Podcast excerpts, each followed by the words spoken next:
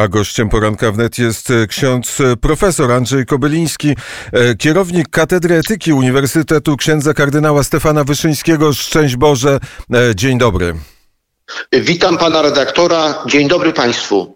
To zacznijmy od tego raportu, który dwa dni temu ukazał się na stronach stolicy apostolskiej. Raport, który ma 400 stron, dotyczy byłego kardynała McCarricka, arcybiskupa Waszyngtonu. Czy udało się księdzu profesorowi z tym raportem zapoznać?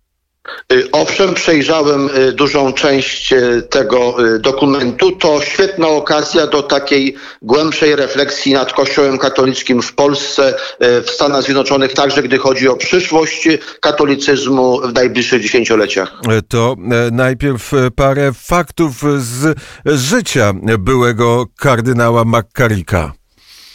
E, tak, e, to jest e, taki amerykański, można powiedzieć, gentleman, człowiek, który czarował swoją osobowością prezydentów, kardynałów, arcybiskupów, sprawował bardzo wysokie funkcje biskupa, arcybiskupa, kardynała. Co ciekawe, są bardzo jego bliskie związki z Polonią czy z Amerykanami polskiego pochodzenia, ponieważ był biskupem i arcybiskupem w stanie Nowy Jork i w stanie New Jersey, a tam mieszka milion sześćset tysięcy y, Amerykanów polskiego pochodzenia. Także w pewnym sensie mówiąc o McCarricku mówimy o Polsce, tylko o tej amerykańskiej. E, to jest ta, e, nazwijmy to, e, jasna strona działalności, bo rzeczywiście był zaangażowany nie tylko w życie Kościoła, ale w tą dyplomację Watykanu, która, z której w ogóle słynie, słynie Kościół, stosunki z Chinami, stosunki,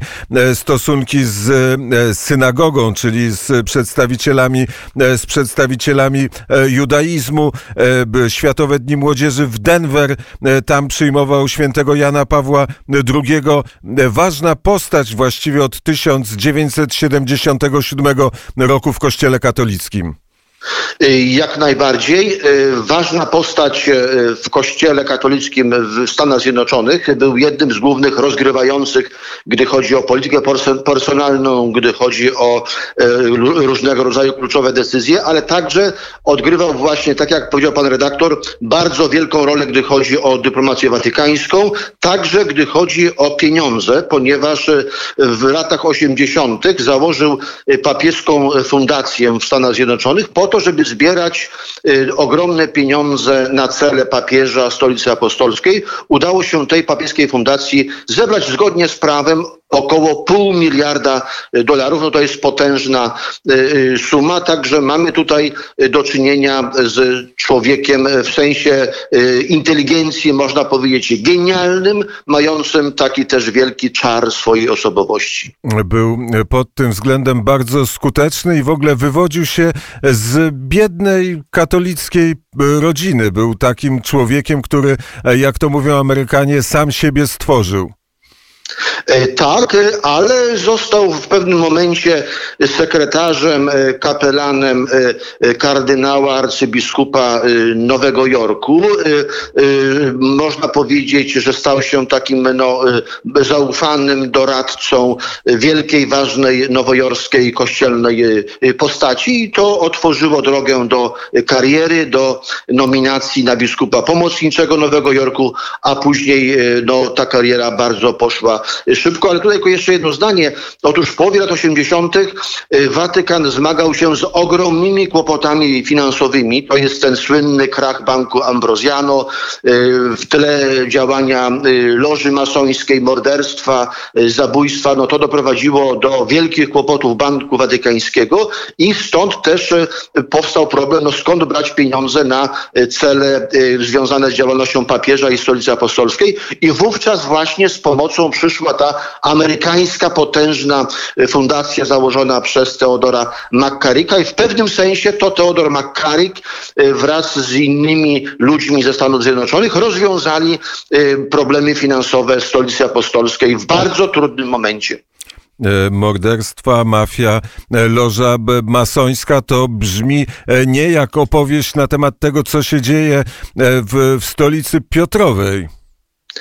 Y, no ale to są materiały i informacje udokumentowane w setkach książek, w tysiącach artykułów y, na temat y, masońskiej loży P2, na temat morderstw niektórych bankierów powiązanych właśnie z bankiem Ambrosiano, później te relacje z bankiem watykańskim. No to jest opisane w setkach książek i w tysiącach artykułów i na ten temat przygotowano też setki audycji radiowych i telewizyjnych. No wystarczy chcieć żeby to wiedzieć. E, wystarczy e, czytać odpowiednie e, książki, tylko tyle, że jak człowiek bierze taką książkę do ręki, to zapala się takie wielkie czerwone światło. Czy ma do czynienia z faktami, czy ma do czynienia z jakimiś teoriami, które nie mają potwierdzenia w faktach?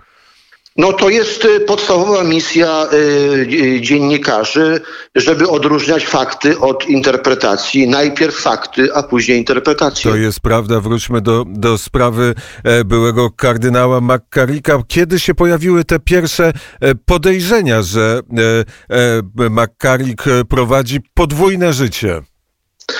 Y, no to nie jest tylko problem Makarika. Owszem, y, w pewnym sensie od zawsze y, były jakieś podejrzenia, natomiast to nie jest problem Makarika, to jest problem Kościoła katolickiego i tysięcy innych księży, na przykład w Stanach Zjednoczonych. Zauważmy, że problem pedofilii wybucha w Stanach Zjednoczonych w połowie lat 80., natomiast z badań naukowych, socjologicznych wiemy, że w Stanach Zjednoczonych połowa księży ma skłonność homoseksualną. W związku z tym, y, gdy były, że tak powiem, y, informacje dotyczące y, relacji homoseksualnych Teodora Makkarika z dorosłymi księżmi rzymskokatolickimi, to nie traktowano tego oczywiście jako problemu, ponieważ było powszechne przyzwolenie dla tego rodzaju stylu życia w kościele katolickim amerykańskim. Tylko w amerykańskim, czy na przykład też w polskim? Y, no w Polsce o tym nie mówimy i to jest temat y, tabu. Być może warto też i o tym zacząć rozmawiać. E, pojawiają się... E, dobrze, ale jeszcze tylko jedne, kilka faktów na temat McCarricka, bo ten raport rzeczywiście ma 400 e, stron. Rzeczywiście odbił się bardzo szerokim echem na całym świecie. Właściwie wszystkie większe media światowe poświęciły uwagę raportowi, wskazując na rozmaite momenty. Ten moment, który który nas najbardziej e, interesuje. To jest e, ten rok 1998, e, 9, kiedy McCarrick ma zostać, ma, ma zostać arcybiskupem Waszyngtonu, kiedy docierają do świętego Jana Pawła II informacje na temat tego, że coś jest nie tak, że to podwójne życie McCarricka jest czymś istotnym, a potem następuje ten moment, w którym McCarrick pisze osobisty list do Ojca Świętego mówi: Jestem niewinny, jestem niesłusznie oskarżany, a e, Jan Paweł II, który zna Makkarika jeszcze od lat 70., e, daje mu wiarę. E, tak, e, starły się tutaj no, dwa obozy. E, jeden obóz zablokował nominację McCarricka, gdy chodzi o funkcję arcybiskupa Chicago i Nowego Jorku. Tutaj odrzucono jego kandydaturę i tutaj zwyciężyła ta frakcja, która uważała, że te informacje dotyczące relacji homoseksualnych McCarricka z dorosłymi księżmi no, są czymś nie w porządku i że nie powinien być McCarrick arcybiskupem biskupem i, i kardynałem. Y, natomiast no, druga frakcja y, uważała, że skądże znowu, no to nie jest jakiś problem i że taki człowiek czarujący innych swoją inteligencją i mający ogromne pieniądze, no może być arcybiskupem. Y, I ostatecznie ta rozgrywka najważniejsza, no to jest rok 2000 i rzeczywiście kluczowe znaczenie tutaj odgrywa list, który pisze McCarrick do ówczesnego biskupa Stanisława Stanisława Dziwisza, no wiedząc, że to właśnie Stanisław Dziwisz e, jako osobisty sekretarz odgrywa potężną rolę, gdy chodzi o strukturę władzy watykańskiej. E, ten list e, trafia do Ojca Świętego, który daje mu wiarę i następuje ta nominacja na, na arcybiskupa Waszyngtonu, czyli stolicy największego, największego na świecie imperium.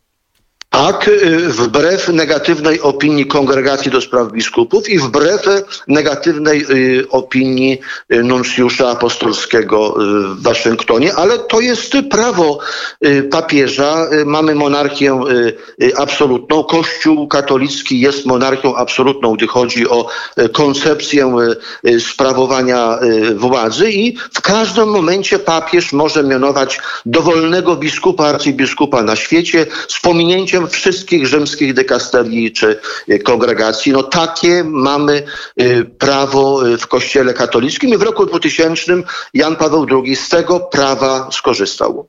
Ale te opinie płynące ze Stanów Zjednoczonych nie miały w sobie jednoznaczności. Y, no w kwestiach obyczajowych, moralnych y, zawsze sprawy są niejednoznaczne, ponieważ musimy mieć, y, że tak powiem, dowody poszlakowe. Najczęściej, gdy chodzi o kwestie intymne, no nie mamy zdjęć, nie mamy nagrań, gdy chodzi o takie czy inne zachowania. W związku z tym w takich oczywiście kwestiach zawsze trzeba zachować rzetelność, staranność, obiektywność i oczywiście trzeba uważać, żeby nikogo nie skrzywdzić, ale właśnie kwestie obyczajowe to są zawsze dowody poszlakowe. Teraz zdjęć nie mamy, ale mamy ten 400-stronicowy e, raport, który pokazuje, jak e, ta wiedza na temat McCarricka rosła, rosła, rosła, aż doszliśmy do 2020 e, roku, kiedy wydaje się, że wszystko jest jasne, czy tylko homoseksualne czyny są podstawą tego wszystkiego, czy też są czyny pedofilskie? Y, można powiedzieć tak, y, dopiero y, w roku 2017, gdy pojawiły się pierwsze ofiary nieletnie Makkaryka, no to zaczęto bić się w dzwony e, w Rzymie. Natomiast do roku 2017, e, gdy była masa świadectw dotyczących relacji e, seksualnych z dorosłymi księżmi, gdy chodzi o Makkaryka, to tak naprawdę nikt się tym nie przejmował. I to był wstęp do naszej rozmowy i tego, co ksiądz profesor Andrzej Kobyliński zapowiedział, do głębszej refleksji na temat Kościoła powszechnego powszechnego i Kościoła w Polsce. E, dodajemy do tego raportu jeszcze dwie, e, dwa e, fakty. Pierwsza dotyczy arcybiskupa Gulbinowicza. Wiemy, jaki jest werdykt Watykanu, a drugi film, o którym jest głośno, dotyczący księdza kardynała Stanisława Dziwisza. Y, tak, do tego jeszcze dodajmy wczorajszą śmierć księdza Eugeniusza Makulskiego. To jest twórca, założyciel sanktuarium w Licheniu. Mamy półtora miliona pielgrzymów w Licheniu. No, założyciel, ksiądz Eugeniusz Makulski, był homoseksualistą, utrzymywał relacje seksualne z dorosłymi mężczyznami i krzywdził też nieletnich chłopców. No, w związku z tym mamy pytanie, no co dalej właśnie z Licheniem, no co dalej z kardynałem Gulbinowiczem, no co dalej z kardynałem Stanisławem Dziwiszem. A dlaczego to ostatnie pytanie ksiądz profesor zadaje? Y, no jest kwestia oczywiście powołania Komisji Watykańskiej. Y, tu już jest powszechna zgoda, y, tak gdy chodzi o kręgi watykańskie, jak gdy chodzi o Kościół katolicki w Polsce. Zauważmy, że mamy 135 biskupów w naszym kraju i no do dzisiaj nikt nie próbuje publicznie bronić księdza kardynała Stanisława Dziwisza. W związku z tym uważam, że potrzeba rzetelnej, obiektywnej komisji watykańskiej, no bo kardynała może oceniać tylko tylko Komisja Papieska, Komisja y, Watykańska i oczywiście y, musimy poczekać na przygotowanie raportu przez taką komisję. Tylko prawda nas wyzwoli. A jakie e, pytania zdaniem księdza profesora ta komisja powinna zadać? Co powinno, co powinno być zbadane? No, mamy chociażby te kwestie już e, związane e, z archidiecezją e, krakowską. No, te pytania, które stawia ksiądz Tadeusz Izakowicz-Zaleski są bardzo ważne. Dodajmy tutaj tylko jeszcze, że wczoraj ksiądz Tadeusz Izakowicz-Zaleski otrzymał pozew z kurii tarnowskiej, to znaczy, że ksiądz biskup Andrzej Jesz i władze diecezji tarnowskiej i ksiądz kanclerz no, chcą, że tak powiem, skazać księdza Tadeusza i Isakowicza Zaleskiego, za to wszystko, co mówi na przykład o diecezji tarnowskiej, gdy chodzi o tuszowanie pedofilii. No to jest uważam swego rodzaju atak diecezji tarnowskiej na papieża Franciszka, na te wszystkie działania, które podejmuje obecny biskup Rzymu, gdy chodzi o oczyszczenie kościoła katolickiego. W związku z tym, jeśli chcemy wiedzieć, jaki mamy obecnie klimat w naszym kraju jaką mamy bratobójczą wojnę w Kościele katolickim, no to popatrzmy na wczorajszy pozew sądowy władz diecezji tarnowskiej, gdy chodzi o księdza Tadeusza Isakowicza Zaleskiego. Ten pozew konkretnie dotyczy czego? Y, tego, że y, rzekomo zdaniem władz diecezji y, tarnowskiej ksiądz Tadeusz Isakowicz-Zaleski niewłaściwie opisywał tuszowanie pedofilii w diecezji tarnowskiej. To wróćmy do tych, do tych pytań, które zdaniem księdza profesora powinny być, odpowiedzi na które powinny być, znaleźć się w tym raporcie watykańskim dotyczącym księdza kardynała Stanisława Dziwisza. Najtrudniejsze pytanie, gdy chodzi o działalność e, księdza kardynała e, Dziwisza jako sekretarza papieża Jana Pawła II, no to jest oczywiście szczególnie y, ostatni okres pontyfikatu. Wiemy, że Jan Paweł II y, miał zdiagnozowanego Parkinsona w roku 1991. Później było złamanie stawu biodrowego, wiele innych powikłań, chorób, upadków. W roku 2000, gdy była właśnie kwestia sprawy McCarrican, Jan Paweł II był głęboko schorowany, osłabiony, no i miał 80 lat. No i oczywiście w takim stanie zdrowia y, y, można powiedzieć tak, że przekazywał wiele swoich y, kompetencji papieskich najbliższemu otoczeniu, które było z nim w Rzymie. Nazywają watykaniści to otoczenie entourage Polaków najbliższe polskie otoczenie Jana Pawła II. Oczywiście kluczowa rola to jest e, biskup, e, arcybiskup, później kardynał Stanisław Dziwisz, ale także wielu innych polskich duchownych czy świeckich, którzy doradzali w trudnych kwestiach papieżowi Janowi Pawłowi II. Ja tutaj właśnie bym bronił w ten sposób Jana Pawła II, żeby nie robić dzisiaj no właśnie odpowiedzialnym polskiego papieża za wiele trudnych kwestii, za które być może on już nie odpowiadał z powodu swego stanu zdrowia. Natomiast pozostaje niezwykle trudne, bolesne pytanie, gdy chodzi o odpowiedzialność entourage Polakko, czyli polskiego otoczenia Jana Pawła II. To znaczy, w jaki sposób ci najbliżsi e, doradcy chcieli rozwiązać na przykład no, dramatyczny problem pedofilii klerykalnej, e, jak chcieli rozwiązać inne wielkie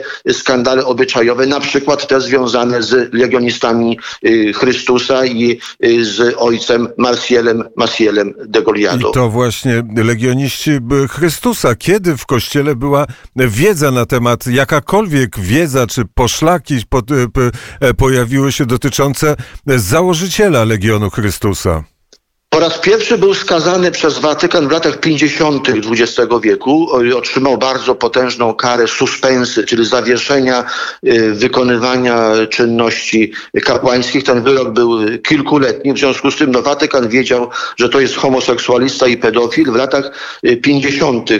XX wieku. Ja osobiście bywałem w latach 90. w kwaterze głównej Legionistów Chrystusa. Niektórzy... Była imponująca ta kwatera główna do dzisiaj jest imponująca. Natomiast ja powiem o, o, sobie, to znaczy ta omerta wokół Legionistów Chrystusa była perfekcyjna. Ja dałem się oszukać do roku 2005 i mówię to bardzo uczciwie. Do roku 2005 nie wiedziałem o jakichkolwiek zarzutach dotyczących legionistów, także gdy chodzi o ich założyciela. To znaczy z jednej strony urzędnicy watykańscy nie mogli nie wiedzieć, natomiast z drugiej strony gdy chodzi o opinię publiczną, e, gdy chodzi o takie życie kościelne, tutaj panowała kompletna omerta. A dlaczego e, uważa ksiądz profesor, że nie mogli nie wiedzieć urzędnicy e, watykańscy, że tego się nie dało ukryć? No jeśli było postępowanie procesowe w latach 50., jeśli kongregacja skazała y, ma, ma, Marsjala Masiela y, de Goliado, jeśli później były kolejne odsunięcia bodajże w latach 70. czy 80., jeśli w prasie amerykańskiej w latach 90. Y, pojawiały się artykuły, no to tutaj już mieliśmy prawdziwą wojnę. Natomiast przełom to był rok 1998, bodajże październik, jesień, wówczas y, przyleciała delegacja ze Stanów Zjednoczonych i z Meksyku, przylecieli prawnicy oraz y, ofiary y, założyciela Legionistów Chrystusa, to bodajże była delegacja prawie dziesięcioosobowa i wówczas rozpoczęto formalny proces w kongregacji nauki wiary przeciwko założycielowi Legionistów Chrystusa i niestety po roku ten proces w tajemniczych okolicznościach został zablokowany. Ale wtedy e, szefem czy na czele e, Kongregacji Nauki i Wiary stał e, ksiądz kardynał Ratzinger, Benedykt XVI. Tak, który dążył do e, rozwiązania tej sprawy i to jest tutaj to słynne pojęcie e, drugiej e, strony. Często w takich właśnie kościelnych dyskusjach czy w niektórych artykułach watykanistów używa się właśnie pojęcia tej drugiej tajemniczej strony, czyli tej frakcji urzędników watykańskich, która przez dziesięciolecia była zatuszowaniem skandali, za niewyjaśnianiem różnego rodzaju ciemnych spraw i gdy chodzi właśnie o Marciala Maciela de Goliado. Zwyciężyła y, druga strona, to jest ta słynna anegdota sprzed kilku lat, którą papież Franciszek opowiadał w samolocie podczas konferencji prasowej dziennikarzom, odwołują się, odwołując się właśnie do tych przedziwnych, tajemniczych zdarzeń z końca lat dwudziestych, gdy chodzi o rozpoczęty proces i później archiwizowany w Kongregacji Nauki Wiary i dotyczący założyciela Legionistów Chrystusa. Ale to e, świadectwo, które te słowa, które e, ksiądz profesor teraz wypowiada w poranku e, wnet, Y, no to, to jest świadectwo e, wielkiego moralnego zepsucia wewnątrz Kościoła apostolskiego. No ale na ten temat mamy setki filmów, e, tysiące artykułów, e, setki książek. No być może warto, żebyśmy w Polsce też o tym mówili, szczególnie gdy chodzi o nasze kręgi konserwatywne, gdy chodzi o nasze kręgi kościelne. No możemy owszem dalej zamykać oczy i zatykać uszy, natomiast światowa opinia publiczna no tym żyje od wielu lat, to opisuje, to analizuje, natomiast no my dalej chowamy głowę w piasek. No i nam się w Polsce wydaje, gdy chodzi o kręgi kościelne, że jesteśmy dalej wielkim, pięknym prawda, narodem i że będziemy ewangelizować Europę, nawracać świat, bo mamy jakąś no, szczególną ku temu misję. No ja w to bardzo wątpię, ponieważ osobiście uważam, że jeśli chcemy ratować pamięć o Janie Pawle II, jeśli chcemy uratować dobrą pamięć świata o naszym dobrym wkładzie w dzieje ludzkości, gdy chodzi o solidarność, gdy chodzi o pontyfikat Jana e, Pawła II, to warto to ocalić, e, ponieważ jeśli nie będziemy o to walczyć, jeśli nie będziemy odpierać niektórych przynajmniej zarzutów, które się pojawiają w tysiącach publikacji w Stanach Zjednoczonych, w Kanadzie, w Australii, w Niemczech czy we Włoszech, no to oczywiście ta dobra pamięć o naszym polskim wkładzie w dzieje Kościoła i w dzieje chrześcijaństwa rozpadnie się w drobny mak. Ale to tak jakby e, ksiądz profesor przewidział przewidywał, jaki będzie e, wynik tego watykańskiego śledztwa, jakby e, ksiądz profesor przesądzał o winie tego e, polskiego otoczenia świętego Jana Pawła II i o winie księdza kardynała Stanisława Dziwisza. No, wina to jest zbyt duże słowo. Wina to jest kategoria moralna. Tutaj nie możemy rozstrzygnąć o intencji, jakie były intencje, czy była wiedza, czy nie była. Ja będę bardziej ostrożny, będę mówił być może o naiwności, o nieroztropności. Natomiast to, żeby udowodnić winę czy odpowiedzialność, to musi być odpowiednie postępowanie procesowe, a e, takiego nie mieliśmy. Tutaj mamy jedynie raport, mamy dokumenty, natomiast no, nie możemy tego raportu abortu traktować jako, można powiedzieć, wyroku procesowego. Jeśli chcemy mówić o winie czy o odpowiedzialności karnej, no to oczywiście wtedy musiałby być przeprowadzony odpowiedni proces zgodnie z prawem kanonicznym. Ksiądz profesor Dariusz Oko, ostatnia jego książka, tytuł Lawendowa Mafia, o tym homoseksualizmie w kościele katolickim, o tym, że on od samej góry jest w nim wmontowane ten, te związki homoseksualne. Ksiądz profesor potwierdza te słowa księdza Oko? Y, mamy książkę Fryderyka Martela Sodoma. Y, ta książka jest bestsellerem światowym, jest także dostępna w języku polskim. No i ona opisuje obecny stan y, Watykanu, jak to się, że tak powiem, wszystko kształtowało na przestrzeni ostatnich kilkudziesięciu lat i jest ogromna cisza. Nikt nie próbuje odpowiedzieć na jeden chociażby z zarzutów, które się w tej książce pojawiły. Gdy chodzi o natomiast publikację księdza profesora Dariusza Okoł. Ona jest ważna, cenna. Natomiast ja osobiście w moich e, kilkudziesięciu publikacjach naukowych, publicystycznych na ten temat nie używam takich pojęć jak lawendowa mafia czy, e, czy lobby gejowskie w kościele, bo uważam, że te pojęcia e, mogą kogoś ranić, czy mogą kogoś obrazić. Ja stawiam inny, głębszy problem, to znaczy jaki powinien być stosunek, jaka powinna być relacja między orientacją seksualną seksualną człowieka, a kapłaństwem, biskupstwem w kościele katolickim. No zauważmy, że do dzisiaj nie ma żadnego przepisu w kościele katolickim, który by zabraniał mianowania e, na funkcje biskupie, arcybiskupie czy kardynalskie e, osób o skłonności e, homoseksualnej. W związku z tym, jeśli takie osoby są mianowane, no to jest ciągle zgodnie z prawem kościelnym, zgodnie z regulacjami, które mamy w kościele katolickim. To jest pytanie, no co dalej? No, czy dalej chcemy to kontynuować, czy być może ktoś chce zmiany? No to są bardzo trudne pytania i być może warto, żeby także katolicy w Polsce się obudzili, ponieważ e, tak naprawdę dominuje omerta, e, obojętność. Ja mam takie wrażenie, że e, katolicy w Polsce to wszystko oglądają tak, jakby to był jakiś film. Siedzą sobie w wygodnych fotelach, mają założone, nie wiem, kapcie na nogi, no i im się wydaje, że oglądają na ekranie swojego telewizora jakiś film, który dotyczy spraw, nie wiem, daleko, gdzieś tam z Ameryki, z Australii, że to nie dotyczy Polski. No nie, no to dotyczy Kościoła katolickiego także w Polsce. No to jest pytanie, czy Kościół jako instytucja się rozpadnie, a podam tylko jeszcze jedno zdanie.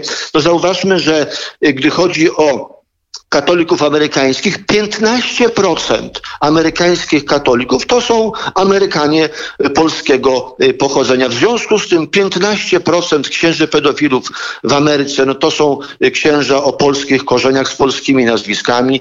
15% ofiar pedofilii w Ameryce to to są oczywiście dzieci z polskich rodzin.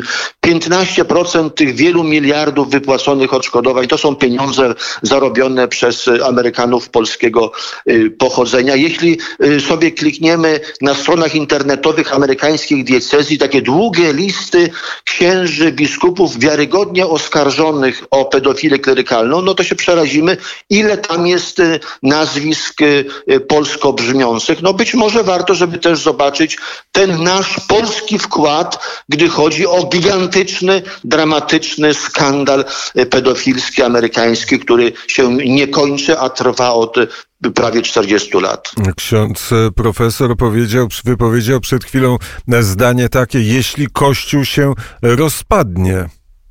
No owszem, mamy czas przejścia. No kto powiedział, że w tej formie Kościół katolicki y, musi y, trwać? Oczywiście będzie trwać chrześcijaństwo, natomiast nie jest powiedziane, że w tej formie y, Kościół katolicki musi przetrwać jako instytucja. Mamy papieża Franciszka, który rozpoczął głęboką, strukturalną reformę Kościoła. Kościół zmierza w stronę Kościoła zdecentralizowanego. Będą mieć coraz większą autonomię kościoły lokalne. W Niemczech za Odrą u nas naszych zachodnich sąsiadów właściwie kończy się proces powołania do życia kościoła w pewnym sensie narodowego. Ten niemiecki katolicyzm jest już inny, a niebawem formalnie będzie potwierdzone, że w wielu kluczowych kwestiach no, on się głęboko różni od naszego. W Niemczech od 50 lat na przykład nie ma sakramentu spowiedzi. Większość kardynałów czy biskupów w Niemczech postuluje wprowadzenie błogosławienia związków homoseksualnych w świątyniach katolickich. Być może będzie kapłaństwo kobiet. No to są radykalne, rewolucyjne zmiany. One dzieją się za Odrą. No i to jest niepojęte, że to kompletnie nikogo w Polsce nie interesuje. W Polsce chcemy obrzędów katolickich, procesji, natomiast kompletnie się nie interesujemy tym, że na naszych oczach odchodzi do lamusa historii tradycyjna forma Kościoła katolickiego. No bo może e, trzymamy się jeszcze credo, w końcu wierzę w jeden święty, powszechny i apostolski Kościół. To jest e, to, co wypowiada każdy e, katolik wtedy, kiedy jest w kościele na niedzielnej mszy.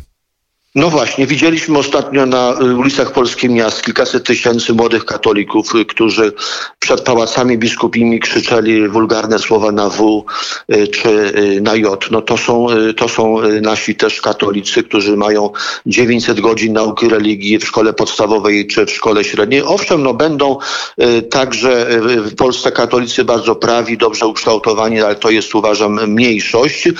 Natomiast gdybyśmy na przykład w młodym pokoleniu zrobili zrobili jakąś taką ankietę socjologiczną, jakie mają poglądy młodzi katolicy w Polsce, to uważam, że już dzisiaj dominuje bardzo liberalne podejście e, do rozumienia prawdy, wiary e, i moralności. Mamy galopującą laicyzację, ateizację młodego pokolenia. Jest... No przecież to pan, Pan redaktor teraz jest w Warszawie. No przecież w metropolii warszawskiej większość młodych ludzi już się wypisała e, z religii, gdy chodzi o szkoły średnie warszawskie. Podobnie jest w Łodzi, w Poznaniu, w innych polskich e, metropoliach. Wypisanie się z religii to jest takie symboliczne, niepowiedziane Kościołowi jako instytucji.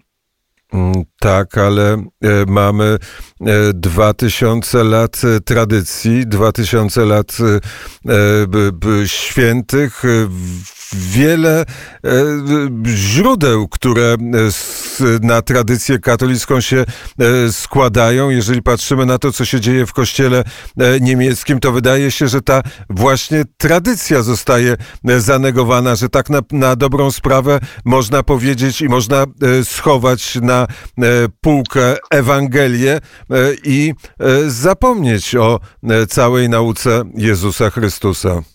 Y, owszem, w Polsce jeszcze jest e, bardzo silny przekaz tradycji, takiego konserwatywnego rozumienia praw wiary i moralności. I to dotyczy, nie wiem, 20, 30, 40% polskiego katolicyzmu. To jest wielki skarb, ale jeśli nie będziemy tego skarbu bronić, y, jeśli nie wzmocnimy intelektualnie, światopoglądowo tej naszej polskiej katolickiej tradycji, to y, ta rewolucyjna y, zmiana na poziomie europejskim, gdy chodzi o Kościół katolicki, w pewien sposób nas wchłonie. No ja od kilku lat piszę o pewnej właśnie specyfice katolicyzmu Europy Środkowo-Wschodniej, gdy chodzi o Polskę, Słowację, Chorwację, Ukrainę czy Litwę. Nazywam to tak umownie dziennikarsko katolicyzmem y, słowiańskim. Uważam, że warto tego katolicyzmu bronić, warto to wszystko y, zachować, gdy chodzi na przykład o y, tradycyjne rozumienie praw wiary i moralności, gdy chodzi o zachowanie sakramentów świętych, gdy chodzi o negatywny stosunek do komunizmu czy marksizmu marksizmu, no to nas wyróżnia na mapie katolicyzmu europejskiego czy światowego i jeśli nie będziemy tego bronić, to wchłonie nas ta nowa liberalna wersja religii y, katolickiej, ponieważ jeśli na przykład słuchamy niektórych biskupów czy teologów y, niemieckich, y, katolickich, to oni są głęboko przekonani, że tę nową niemiecką wersję trzeba także przenieść na wschód, do innych krajów europejskich, ponieważ oni są absolutnie przekonani, że to oni w tym sporze mają rację, że to oni właściwie odczytują tradycję katolicką, że to oni właściwie właściwie odczytują wołanie Ducha Świętego do Kościoła na początku XXI wieku. To jeszcze na marginesie e, zanotujmy, że Joe Biden e, jest, e, jest katolikiem zreformowanym, sądząc po obecności pani wiceprezydent, która ma kompletnie inne poglądy na świat płynące z innych źródeł, nie z Ewangelii, a z dzieł Marksa. Wróćmy jeszcze na chwilę do kościoła polskiego, e, bo e, e, ksiądz profesor powiedział o twórcy Lichenia, który odszedł na, już na sąd prawdziwy, czyli sąd, na sąd Boży. Mamy sprawę kardynała Gulbinowicza. Mamy sprawę z księdza arcybiskupa Głodzia. To wszystko, to wszystko jest ze sobą powiązane.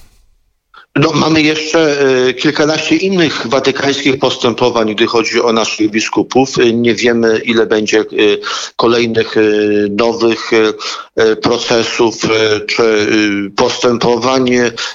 Mamy chociażby także kwestię księdza arcybiskupa Józef, Józefa Wesołowskiego, to jest ten, który molestował chłopców na Dominikanie. No to jest pytanie, czy kogoś interesują te ofiary na Dominikanie? Księdza arcybiskupa Józefa Wesołowskiego, czy ktoś im płaci odszkodowania, czy to robi Watykan, czy to robi archidiecezja y, krakowska, czy kogoś z dziennikarzy w Polsce, no to w ogóle y, interesuje. No jak to było możliwe, y, że ksiądz arcybiskup o znanych skłonnościach no, został wysłany jako nuncjusz na Dominikanę, która no, jest powszechnie znana jako miejsce prostytucji młodych chłopców. Jest to no, mekka homoseksualistów, którzy szukają szukają, y, że tak powiem, swoich chłopców y, w ramach tak zwanej turystyki seksualnej. Dominikana słynie właśnie z nieletnich chłopców, y, natomiast Filipiny z nieletnich dziewczynek. No tak funkcjonuje rynek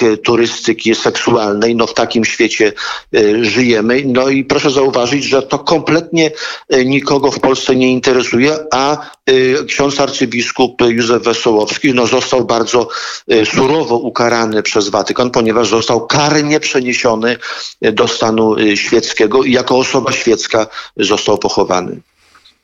To jak e, ksiądz e, profesor z tym wszystkim żyje, bo w końcu ksiądz profesor, rozumiem, chodzi, jest księdzem katolickim, odprawia ksiądz mszę, mówi ksiądz o Ewangelii. E, tak, ja się z tym musiałem zmierzyć w latach 90. E, od 92 roku do 98 mieszkałem na zachodzie Włochy, Wielka Brytania, Niemcy czy inne kraje i e, rozpoznałem, czy można powiedzieć tak, poznałem z tej perspektywy zachodniej kryzys Kościoła katolickiego, gdy chodzi o kwestię pedofilii czy, czy, czy homoseksualizmu taki chrzest bojowy przeszedłem w Londynie, w centrum Londynu przy, przy Euston Station w brytyjskiej, angielskiej parafii w roku 93. Także tak naprawdę od 30 lat mam wyrobione zdanie w tych kwestiach i oczywiście to był dla mnie no, ogromny szok. Musiałem wiele rzeczy sobie na nowo e, przemyśleć i wróciłem do Polski w roku 98. E, no i zacząłem e, moją, e, można powiedzieć, wojnę, walkę, e, gdy chodzi na początku o diecezję płocką, o Wyższe Seminarium Duchowne w Płocku. No chciałem y, ratować, że tak powiem, to, co uważałem za y, słuszne. No to się wiązało, że tak powiem, z ogromną wojną. To jest może temat na jakąś odrębną y, audycję, jak to wszystko wyglądało, ale oczywiście też no, miałem myśli, żeby, nie wiem, odejść, żeby, że tak powiem, no już się poddać, ponieważ ta ogromna góra lodowa jest twarda jak e, skała, ale kilkanaście lat temu podjąłem taką decyzję, że nie, że zostaję w środku i że jednak wal warto walczyć o y, uratowanie tego, co można uratować, ponieważ ja osobiście właśnie jestem bardzo przywiązany do polskiej tradycji. Y, uważam, że mamy wiele pięknych skarbów, gdy chodzi o y, Kościół katolicki w Polsce i uważam, że trzeba naprawdę oddać no, wszystkie siły, żeby jak najwięcej w tej wojnie, czy na tej wojnie uratować i szczególnie od kilkunastu lat no, robię to poprzez moje, nie wiem, teksty naukowe, publicystyczne. Zachęcam pana redaktora i czytelników do klikania. Wszystko jest w internecie, w PDF-ach, jest bardzo wiele na YouTubie wykładów, konferencji. Uważam, że w Polsce właśnie potrzebujemy przede wszystkim solidnej, żywej, mocnej, czystej strawy intelektualnej, żeby wesprzeć nasz obrzędowy katolicyzm pewnym duchem, pewną treścią intelektualną i dopiero w takiej postaci możemy mierzyć się z tymi zagrożeniami, które są wewnętrzne i zewnętrzne, szczególnie gdy chodzi o ten liberalny nurt katolicyzmu, Ale... który będzie nas zalewał na przykład, gdy chodzi o Niemcy, czy na przykład katolicyzm amerykański w wydaniu ala Joe Biden. Ale e, intelekt nie może iść przed miłością i e, to, co śpiewamy, Chrystus królem, rozumiem, w to wątpliwości ksiądz nie ma. Y, tak, oczywiście. Bramy piekielne go nie przemogą. Y, Kościół będzie trwał, chrześcijaństwo będzie trwać, ale nikt nie powiedział, że ono ma trwać zawsze y, nad Wisłą. Zauważmy, że cała Afryka Północna była kiedyś przez kilka stuleci kolebką chrześcijaństwa. To tam w Aleksandrii czy na terenach dzisiejszej Turcji, chociażby Konstantynopol, no tam biło serce chrześcijaństwa to tam powstawały najpiękniejsze dzieła kultury chrześcijańskiej. No i wiemy, że dzisiaj tam możemy jechać oglądać y, zgliszcza, kamienie wielkich bazylik czy wielkich świątynia. Mieliśmy ostatnio właśnie spektakularny y, przykład, jak prezydent Turcji oficjalnie przekształcił y, bazylikę Haga Sofia w meczet. Także no, to się dzieje na naszych oczach. Bramy piekielnego nie przemogą. Bardzo wierzę w to, że Jezus Chrystus jest Panem życia i śmierci, jest głową y, Kościoła, natomiast reszta to jest kwestia naszej wolności, naszej odpowiedzialności. Los Kościoła katolickiego w naszym kraju jest przede wszystkim w naszych rękach. Warto się przebudzić, warto wyjść z takiego letargu, z pewnej hipnozy. To nie jest tak, że to, co oglądamy, to jest jakiś film i że to się dzieje daleko od nas. Nie, to dotyczy naszych dzieci, naszych wnuków, naszych parafii. Od nas zależy, co będziemy mieć na naszej polskiej ziemi za 10, 20 czy 30 lat. Ksiądz profesor Andrzej Kobyliński był gościem poranka wnet, kierownik Katedry Etyki Uniwersytetu księdza kardynała Stefana Wyszyńskiego. Bardzo serdecznie dziękuję za rozmowę. Wszystkiego dobrego. Y, do widzenia Państwu, do widzenia Panu redaktorowi. Wszystkiego e, dobrego. Całą rozmowę e, będzie można odsłuchać na stronie www.wnet.fm i być może e, przeczytać w przyszłym wydaniu Kuriera Wnet. A teraz musimy dokonać pewnej czynności, która, która jest przed państwem ukryta. Mianowicie dodzwonić się do Zbyszka Dąbrowskiego, Republika Latina. Tylko gdzie jest ten telefon? Tutaj jest już wykonany, to w takim razie patrzę na Darka Konkola i zamawiam dżingiel.